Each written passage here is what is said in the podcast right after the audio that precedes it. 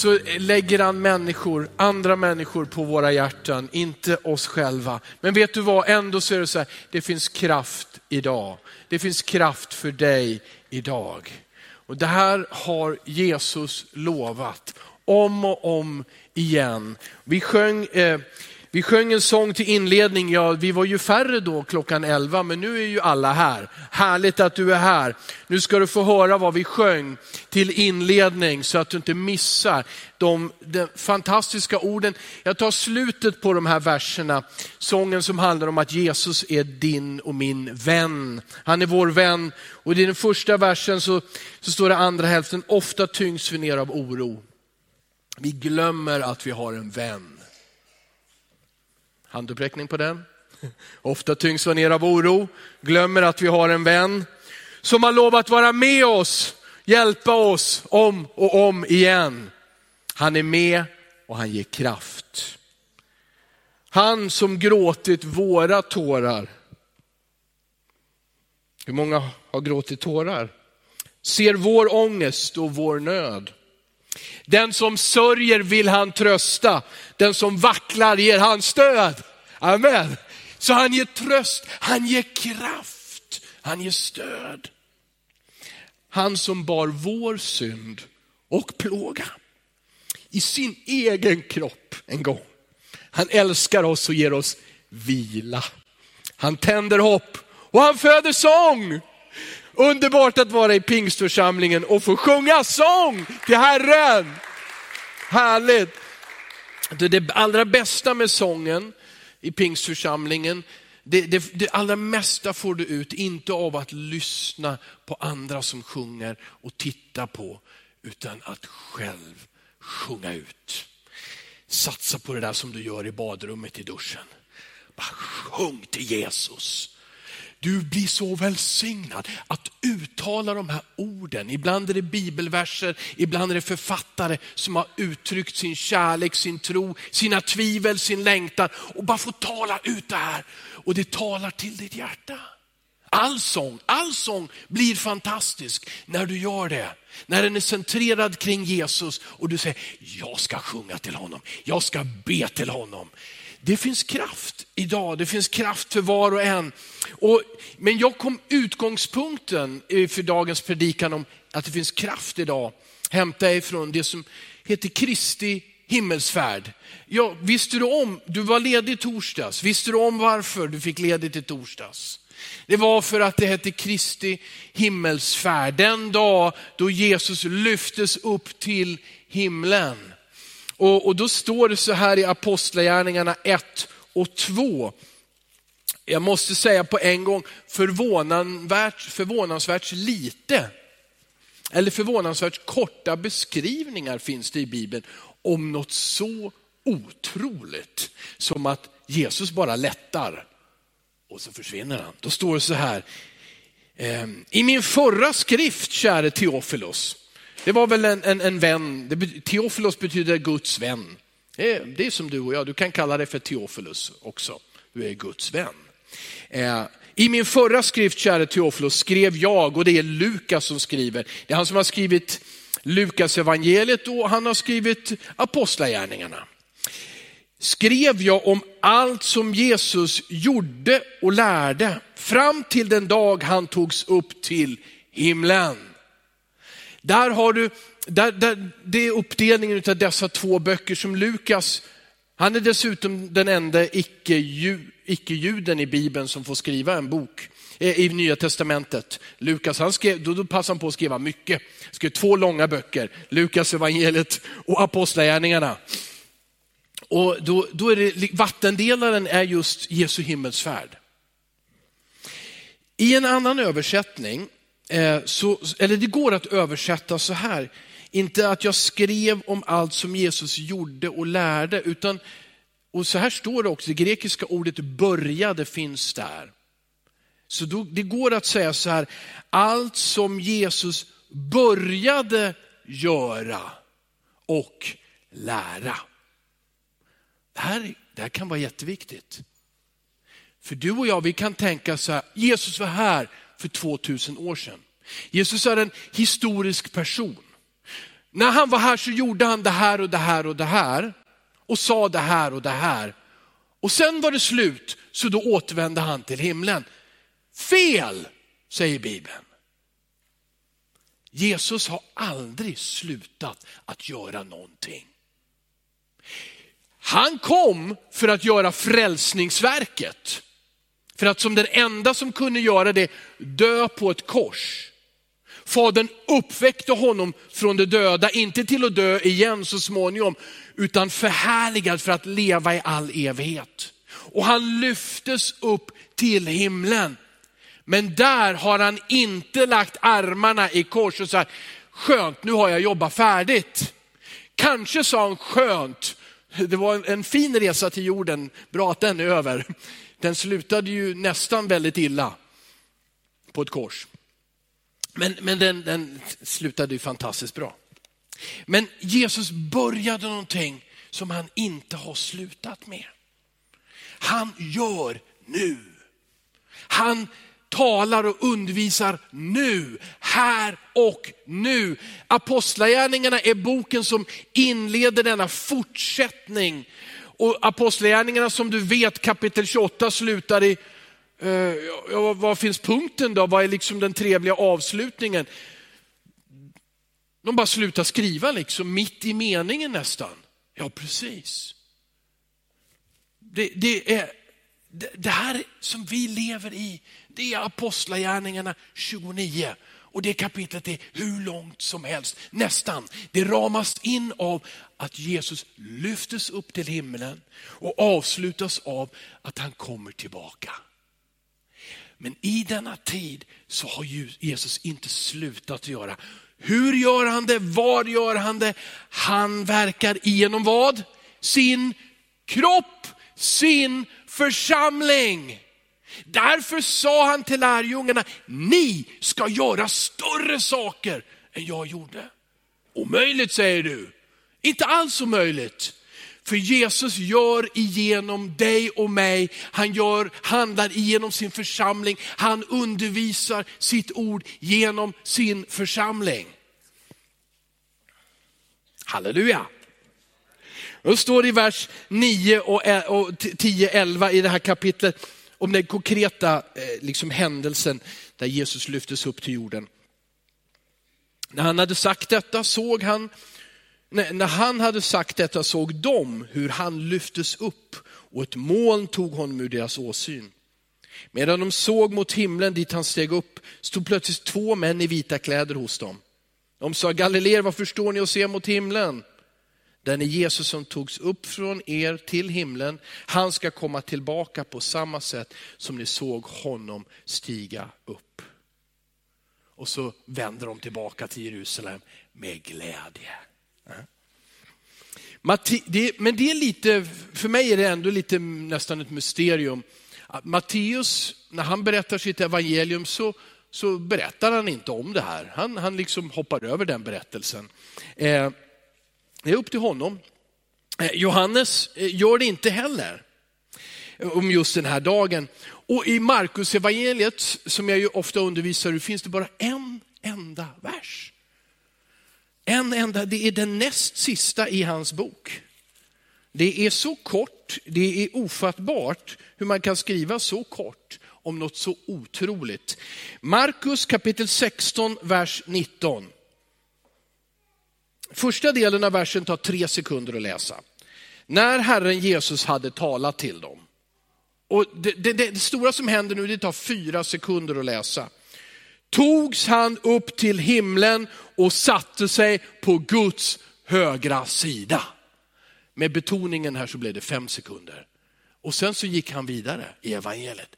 Men det här som händer, det här är helt otroligt. Det är två helt otroliga saker.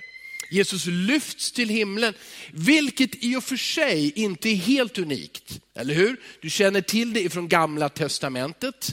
Det var Elia, då fick han hjälp av en, en vagn och massa hästar och så lyftes han till himlen. Till exempel, och det där finns, det finns också i grekiska gudasagor, så en himmelsresa är inte helt unik. Men sen står det några korta, helt osannolika, ofattbara ord. Han satte sig på Guds högra sida. Han satte sig på Guds högra sida. Vad betyder det? Det här finns också i Hebreerbrevet kapitel 1 och 3. Hebreerbrevet 1 och 3 säger så här, Eh, sonen är utstrålningen av Guds härlighet och hans väsens avbild och han bär allt med sitt mäktiga ord. Och sedan han fullbordat en rening från synderna sitter han nu på majestätets högra sida i höjden. Jesus försvann inte bakom några moln och så gömmer han sig där i 2000 år. Så att vi kan utforska bakom vilket moln han är. Ja? Utan han återvänder till Guds tron och han sätter sig på majestätets högra sida. På faderns högra sida. Och Jesus, om ni minns så gjorde han, en, för att förklara det här lite grann, så gjorde han ju en diskussion, tog upp en diskussion med fariseerna vid ett tillfälle och citerade Saltaren 110. För han sa, fattar ni vad ni predikar om egentligen? Det, de, de svalde väl som vanligt. Eh, då står det så här i Salten 110. Herren sa till min Herre. Och i svenskan står det Herre två gånger. Eh, I vissa biblar så är det första Herren med, med stora bokstäver eftersom det är Guds namn. Jag är Herren Jahve. Eh, eller Jehova som en del felaktigt säger. Herren sa till Herren Adonai är det hebreiska ordet. Men som också eh, som betyder Herre men som också används om Gud. Och det är det här som Jesus plockar upp. Fattar ni vad ni säger? Gud säger till Gud. Herren Jahve, jag är, säger till Herren Adonai. Sätt dig på min högra sida tills jag lagt dina fiender som en pall under dina fötter. Det här förstås bara i treenigheten. I Fadern och Sonen som beskrivs just här. Din makt spira ska Herren, Herren Jahve, sträcka ut från Sion, härska mitt bland dina fiender. Gud Fadern ger Jesus all makt. Han sätter sig vid Faderns högra sida och allt blir honom givet tillbaka allt som han frivilligt hade lagt ner. Filipperbrevet kapitel 2 berättar väldigt tydligt om att Jesus kom i en tjänares gestalt, som en människa. Han ödmjukades och var lydig ända till döden på ett kors, står det. När Jesus, Guds son, Guds ord som Johannes evangeliet kallar honom, föddes och blev människa avsade han sig den där allmakten. Avsade han sig det där allvetandet. Ni minns ju att det står, Jesus säger, bara fadern, inte änglarna, inte ens människosonen vet när den dagen ska ske, det vill säga när han kommer tillbaka. Han avsade sig detta att vara överallt, hela tiden, att se allt, känna till allt. Han blev människa. kan säga det, det är så viktigt att betona i våra tider av seriemagasin och nu um, utav, utav att man tittar på filmer om superhjältar. Jesus var ingen superhjälte. Han var Guds son, men han avsade sig alla de där special powers. Det är inte så att Jesus flög genom livet. Det är inte så att han liksom surfade på en... Han blev en människa. Han blev en människa. Han ödmjukade sig och det är därför som det är sant. Han känner dig och mig. Han vet precis. Du kan inte, nej, nej, nej, det går inte Jesus. Du är Guds son. Han blev en människa. Därför så kan han känna med dig och mig. Därför har han blivit frestad, står det, på alla sätt som vi, men utan synd. Han visade vägen, han gjorde det. Han var människa, han kände kylan, han kände hettan, han upplevde frestelserna att ge upp, att ta sig för snabbt till målet, att utnyttja de där krafterna som Satan ju ville att han skulle använda, förvandla stenar till bröd när man var hungrig och så vidare. Men så nej, jag har kommit hit för att vara en människa. Men så gjorde sig Jesus beroende. Han gjorde sig beroende, svag, som du och jag av den helige ande. Jesu, det är tydligt när du läser speciellt Lukas evangeliet. Jesus gjorde sina under, inte i sin kraft som Guds son. Han gjorde det i den helige andes kraft. Innan den helige ande kom över Jesus vid dopet gjorde Jesus inte ett enda under. Har du läst om det, har du hört några citat ur Koranen eller någonting som kallas Thomas evangeliet så är det lögn. Jesus gjorde inga under som barn. Han gjorde inga under som tonåring. Han gjorde inga under som ung vuxen. Han var en människa som du och jag, men den heliga ande kom från himlen och fadern sa i, detta, i det ögonblicket, detta är min älskade son ett samarbete, ett moment där Johannes döparen och andra fick uppleva något av denna treenige Gud. Jesus utan synd. Fadern talar så att människor uppfattar att här sker det någonting. Och så kommer den heliga anden ner och på något sätt i någon synlig form så upplever de som en duva. Så kommer han över Jesus, den treenige guden. Och sen börjar Jesus att predika med kraft. Så att ingen kunde sluta att lyssna. Sen började han predika med en närhet som gick in i människors hjärtan. Så de slutade, gav upp sina lögner och sitt falska liv. Bekände allting för Jesus. Där började han göra under och tecken. Han var beroende av den heliga ande. Och Johannes evangeliet säger, enligt Johannes evangeliet säger Jesus, jag gör ingenting utan att Fadern har uppenbarat det för mig. Jag, gör, jag säger ingenting som inte Fadern har sagt. Därför läser du att Jesus bad och bad och bad och lärjungarna såg honom be och sa, lär oss att be. Därför bad han natten igenom, trots att han var Guds son. Och skulle kunna ha vetat allt och bara göra allt som han ville.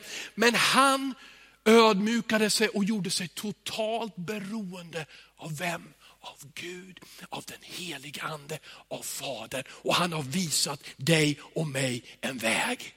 Han har visat, du kan vara människa och du kan vara fylld med den helige ande. Du kan vara, du kan veta om dina svagheter och dina synder och dina fel. Men du kan vara fylld med gudomlig kraft och sanning. Du kan tala det som Gud lägger i ditt hjärta. Gud kan hela de sjuka genom dina händer. Han hör dina böner. Det är ingen skillnad på Jesus och dig i detta, på detta sätt. Han var beroende och du kan också välja. Jag vill vara beroende. Och därför mina vänner, så är inte planerandet och görandet det viktigaste för en församling som vill göra Guds vilja. Därför är bönen det viktigaste. Om Jesus sa att det viktigaste jag kan göra, han skulle välja tolv lärjungar. Jag får skippa sömnen i natt. Jag får strunta i att sova. Jag måste prata med min fader. Det får inte ske något misstag. Det får inte visa sig att det är jag som liksom fixar det här på mitt sätt. Fader, din vilja, din vilja måste ske. Precis som Jesus bad inför den största prövningen i ett semane. När han skulle oskyldig torteras och dödas för din och min synd. Han kämpade och sa, ske din vilja och inte min. Det här är utmaningen och det här är inbjudan till det mest fantastiska liv. Till att vara del av det största som händer på jorden. Låt mig ge lite fakta på det. Apostlagärningarna summerar 30 år utav den första församlingen. Den heter apostlarnas gärningar, men kunde lika väl heta den heliga andes gärningar. Den heliga ande blir namngiven 57 gånger i de där 28 kapitlen. Och ingen människa som gör någonting i apostlagärningarna gör det utan den heliga ande. Det är den heliga ande, förstår du?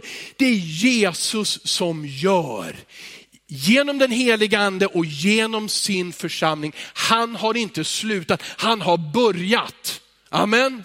Och han är verksam tills han kommer tillbaka. Och då går vi in i ett nytt kapitel. Men nu så verkar han igenom sin församling. Ibland så tappar jag tråden. Det låter så bra och ni ser så glada ut. Jag såg någon som var lite trött.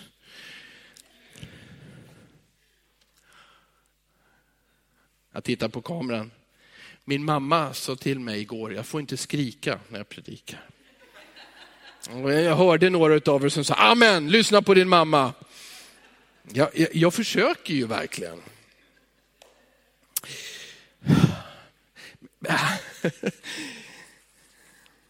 Mm. Jag berätta, ja, förlåt att jag gör så här, men jag är en sån kille. Jag, det är mors dag, jag måste bara berätta om min mamma. För min pappa han är i himlen och min mamma hon är här. Och, och, och de är, är mina hjältar, det är så. Nu blir jag lite tårögd, men det, det är så. Så mamma som är 85, de sista par åren, så varje tillfälle hon får så tar hon Sebastian, Baxuts, Sebastian Staxuts bok och så ger hon den till människor.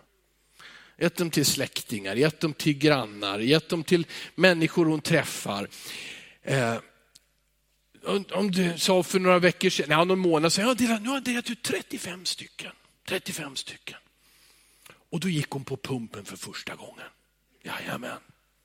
Det kom en man ifrån kommunen hem för att fixa ett handtag på, ett dörrhandtag på, på hennes eh, balkongdörr. Eh, du vet, mamma såg chansen. Hade hon varit med i Gideoniterna, då, man fick ju inte vara kvinna och vara med i Gideoniterna på den tiden. Gideoniterna de delar ut biblar. Nu får man vara kvinna och vara med i Gideoniterna och dela ut. Det heter goda nyheter för alla. Det är sådana människor som, som vill ge Guds ord på något sätt till människor. Så mamma ger honom boken när han är färdig och han läser. Det är intressant, ja Sebastian Staxet. Och sen så bara så, Jesus! Och så lämnar han ifrån sig boken. Det där vill jag inte ha med att göra. Och så gjorde han processen kort, sa adjö och gick. Det var första gången.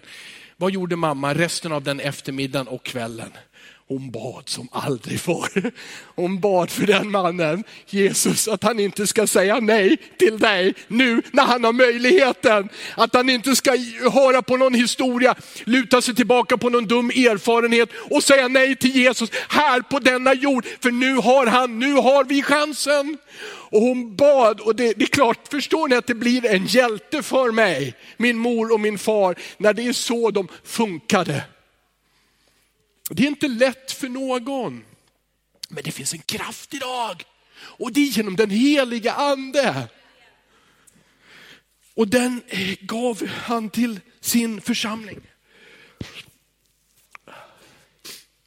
Hans kraft är vår kraft. Hans kraft är vår kraft. Vad var det jag skulle säga? Jo, jag skulle ge lite argument. För apostlagärningarna förklarar liksom den här utbredningen. Och, och det är faktiskt intressant att, att, se hur, hur guvernören i Syrien nämns, guvernören på Malta och hans pappa var det, var, blev helad. Eh, de, de styrande männen i Efesos.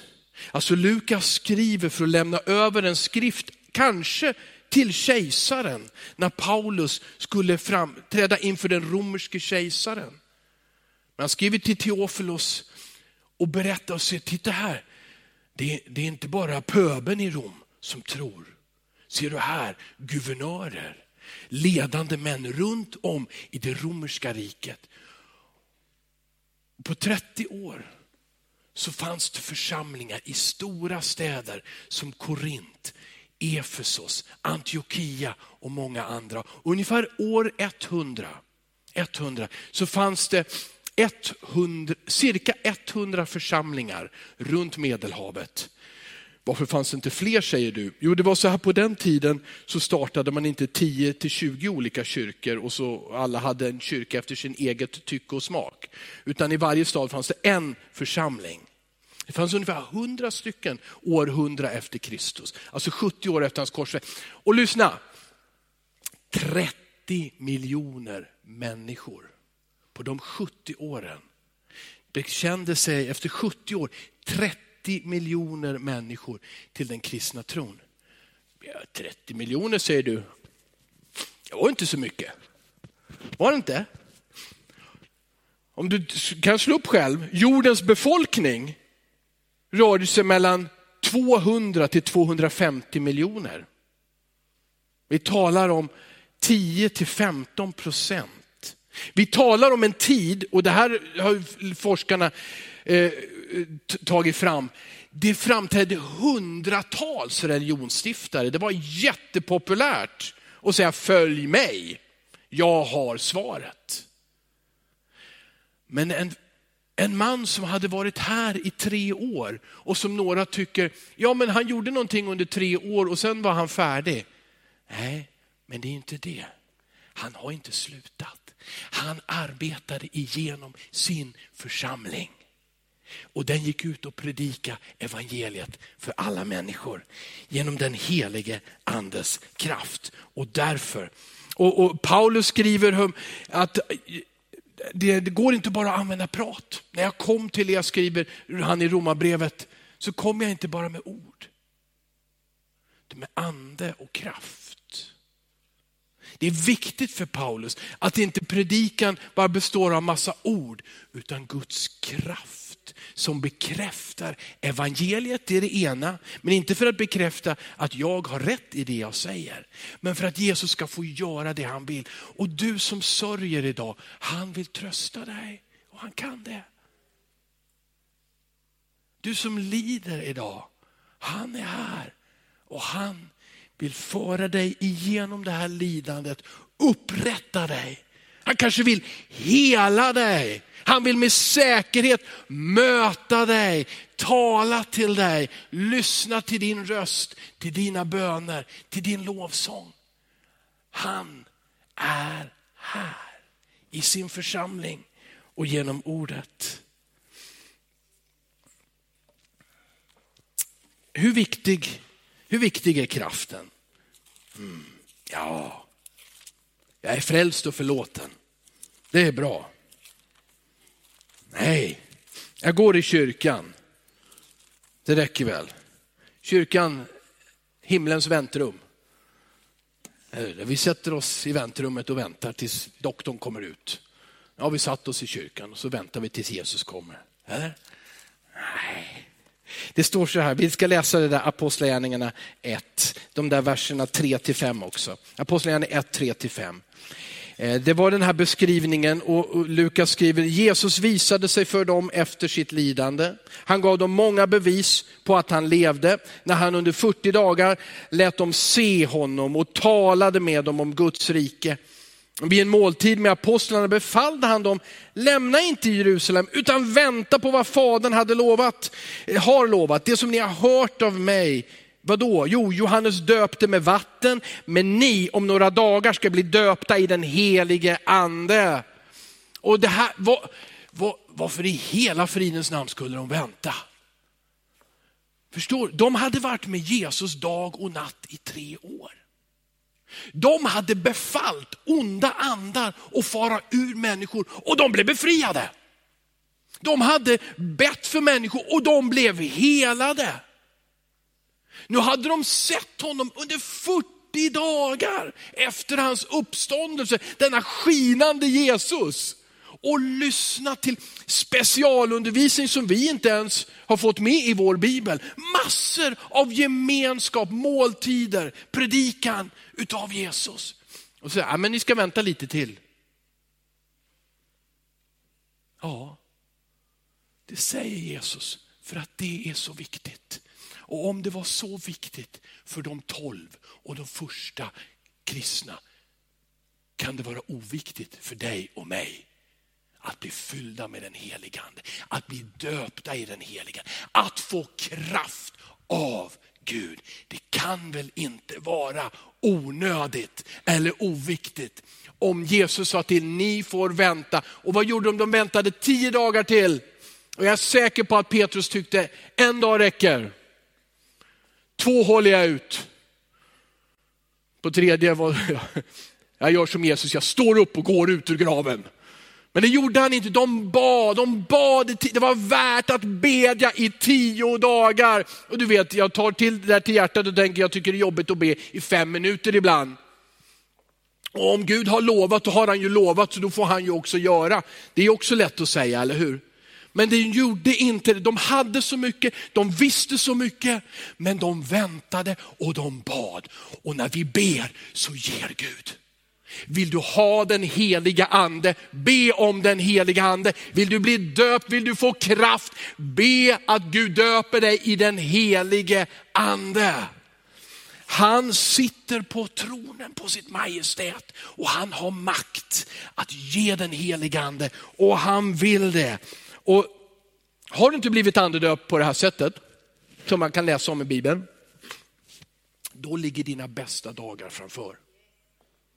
Har du det? Har du inte blivit döpt i den helige ande på det här sättet, då ligger det en spännande tid framför. Du märker det när du läser Bibeln, det blir nytt. Du märker det när du ber, du märker det på din uthållighet, du märker det på din kärlek, du märker det på, på din mod och du märker att när du vittnar, den helige ande gör en skillnad. Och det är Jesus som döper i den helige ande. Behöver vi den här skillnaden idag? Ja! Behöver du, det måste du svara på. Du vet ditt liv och din situation. Men jag tror att du behöver denna kraft. Och jag vet när jag läser nyheterna om Eskilstuna och de skriver 10 procent av skjutningarna i hela Sverige har skett i lilla Eskilstuna. Och jag vet när, när, när politiker eh, svär, och ja, det gjorde han ju Jimmy, eh, när svär liksom om att det här måste stoppas eh, och så vidare. Och människor blir arga och frustrerade och inte hittar en lösning. Då vet jag att den heliga andes kraft behövs. Amen. För jag har inte svaret, jag har inte visheten och lösningen, men Gud har det. Han älskar alla människor, han älskar Eskilstuna. Det finns hopp genom Jesus och det finns hopp genom hans församling att ändra klimatet i den här staden. Det finns en möjlighet, vi, vi, idag att bedja. Att vara med när vi ber, och, eller starta en hemgrupp och samla människor i ditt bostadsområde och börja be. Att finnas med där saker och ting händer i fotbollsklubben eller i någon förening. Att finnas med och vara ett ljus. Det finns en möjlighet för dig att ge en bibel, Sebastians bok eller någonting annat. Att vittna. Men jag vågar inte säger du. Och då är lösningen en enda, kraft genom den helige ande.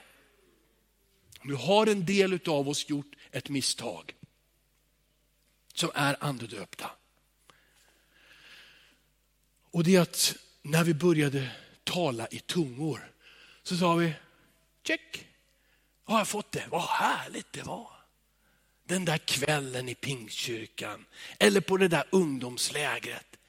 Och det var så mysigt. Oh, jag kände Gud. Och jag började tala tungor. Oh, fantastiskt. Eh, be inte mig att gå och vittna för min granne, det, det, det vågar jag inte. Nej, jag, kan, jag, är, jag är ingen Petrus, förstår Jag är inte en sån där som snackar. Jag är blyg. Kära vän, då har vi gjort ett misstag om vi har stannat där och säger, jag blev döpt i den heliga ande för jag talar i tungor och en gång gav jag ett profetiskt budskap. Ja, vad bra. Yes. Nej. Löftet är kraft. Löftet är mod. Löftet är mod inte bara till de modiga. Förstår du? Petrus fick kraft, men också Thomas tvivlaren fick kraft. Andreas som vi knappt känner till i Bibeln, eller Bartolomeus, de fick kraft. Det berättas om lärjungarna att de alla reste ut i den dåtida världen, deltog i detta, att vinna dessa första 30 miljoner människor för Jesus. Och allihopa blev tyvärr dåliga nyheter. Enligt eh, berättelserna så blev de dödade allihopa på olika sätt.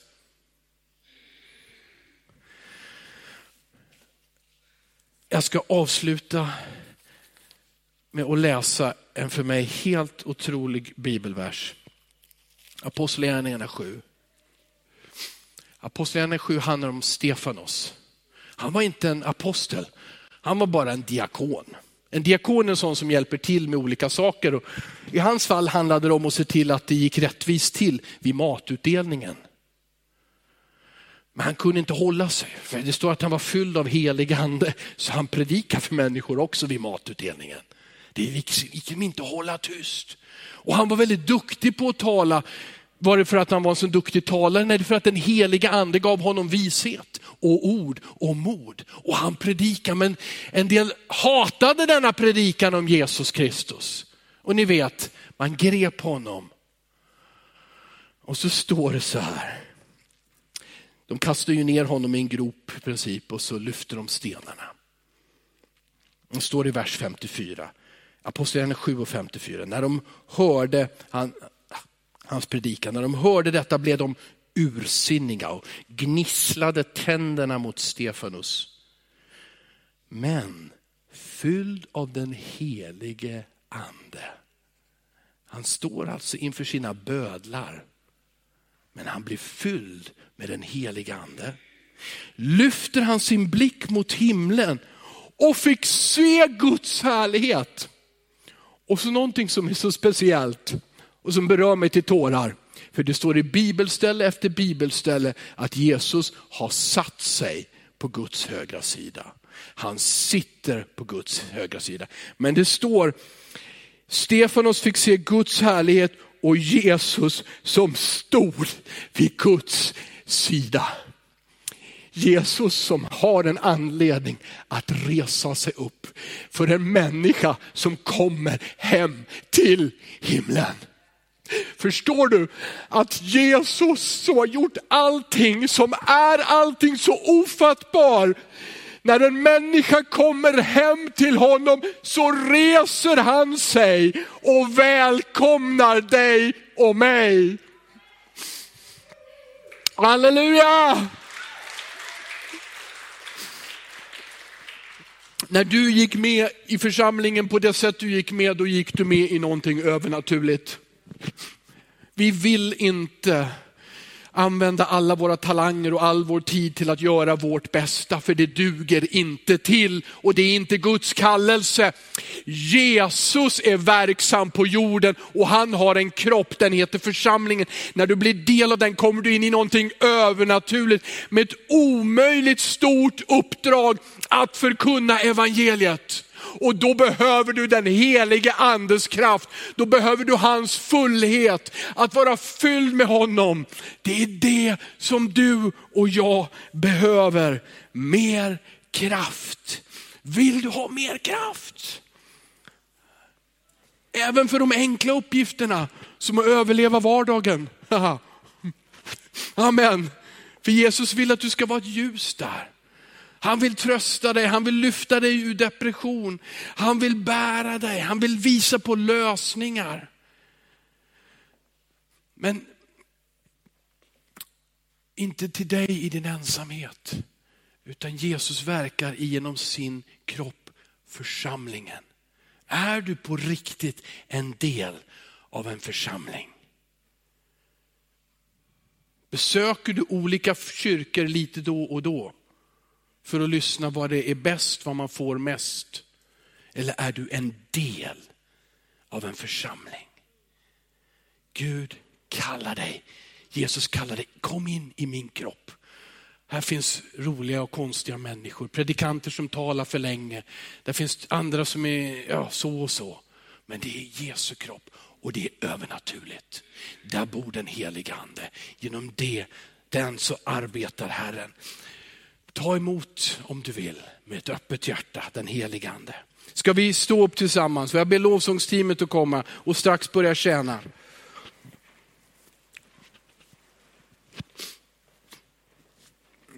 Jag upprepar min fråga, vill du ha mer kraft? Vill du ha mer kraft? Eller säger det räcker, det räcker i lagom, jag har vad jag behöver. Jag säger, jag vill ha mer, mer. Vill du ha mer, mer av den heliga ande. Har du, har du inte upplevt och tagit emot den heliga ande på det sättet, då säger Bibeln att då blir man fylld med den heliga, man blir döpt. Och de flesta gånger i Bibeln så, så står det att någon la händerna och bad och så blev de fyllda med den heliga ande. Och började tala tungor och fick frimodighet och glädje och profetiska budskap. Allt det där gudomliga. Det är Herren som ger till den som tror, till den som längtar och vill ha mer. Öppna ditt hjärta, tala med Jesus. Bibeln är tydlig, det är Jesus som döper oss i den heliga ande. Det är inte någon annan kille, det är Jesus som döper dig i den heliga ande. Be honom om det. Han ska inte ge dig en skorpion istället för en sten eller någonting sånt där. Utan han ger dig den heliga ande. Var inte rädd. Välkommen fram till förebedjarna. Vi behöver, tror jag, hoppas jag, många förebedjare idag.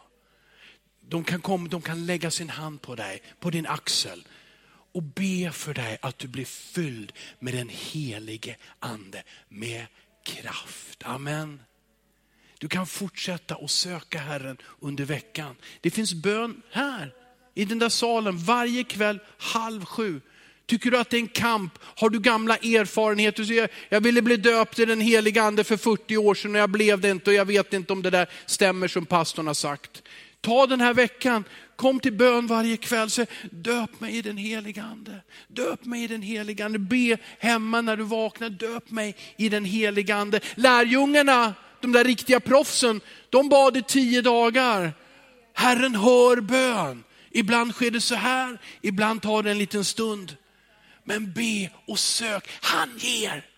Han ger. Han ger till sina barn. Han ger till sin församling.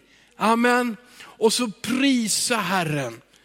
När vi sjunger, lyft dina händer, öppna ditt hjärta. Ibland så frågar jag, ska jag be för dig? Ja, jag be. vad vill du? Jag bli döpt med en helig ande. Och så stoppar folk händerna i fickorna och säger, jag vill bli döpt med en helig ande. Och för mig är det ett symbolspråk som, som talar lite grann. Jag vill säga åt dig, var inte så blyg inför Gud. Ta ut händerna ur fickorna. Öppna dem. Lyft dem till honom. Han ger. Han kommer inte göra dig besviken. Det är inte så att jag lyfter mina händer, oops, Herren gick till någon annan. Han kommer till dig. Sök honom. Vi ska vara en församling i den här tiden som inte gör vad du eller jag vill, utan som gör vad Jesus vill. Som är med på det som han gör. Amen, amen. Lämna din plats, välkommen fram du som vill bli döpt i den heliga ande. Vi börjar med musiken, välkomna.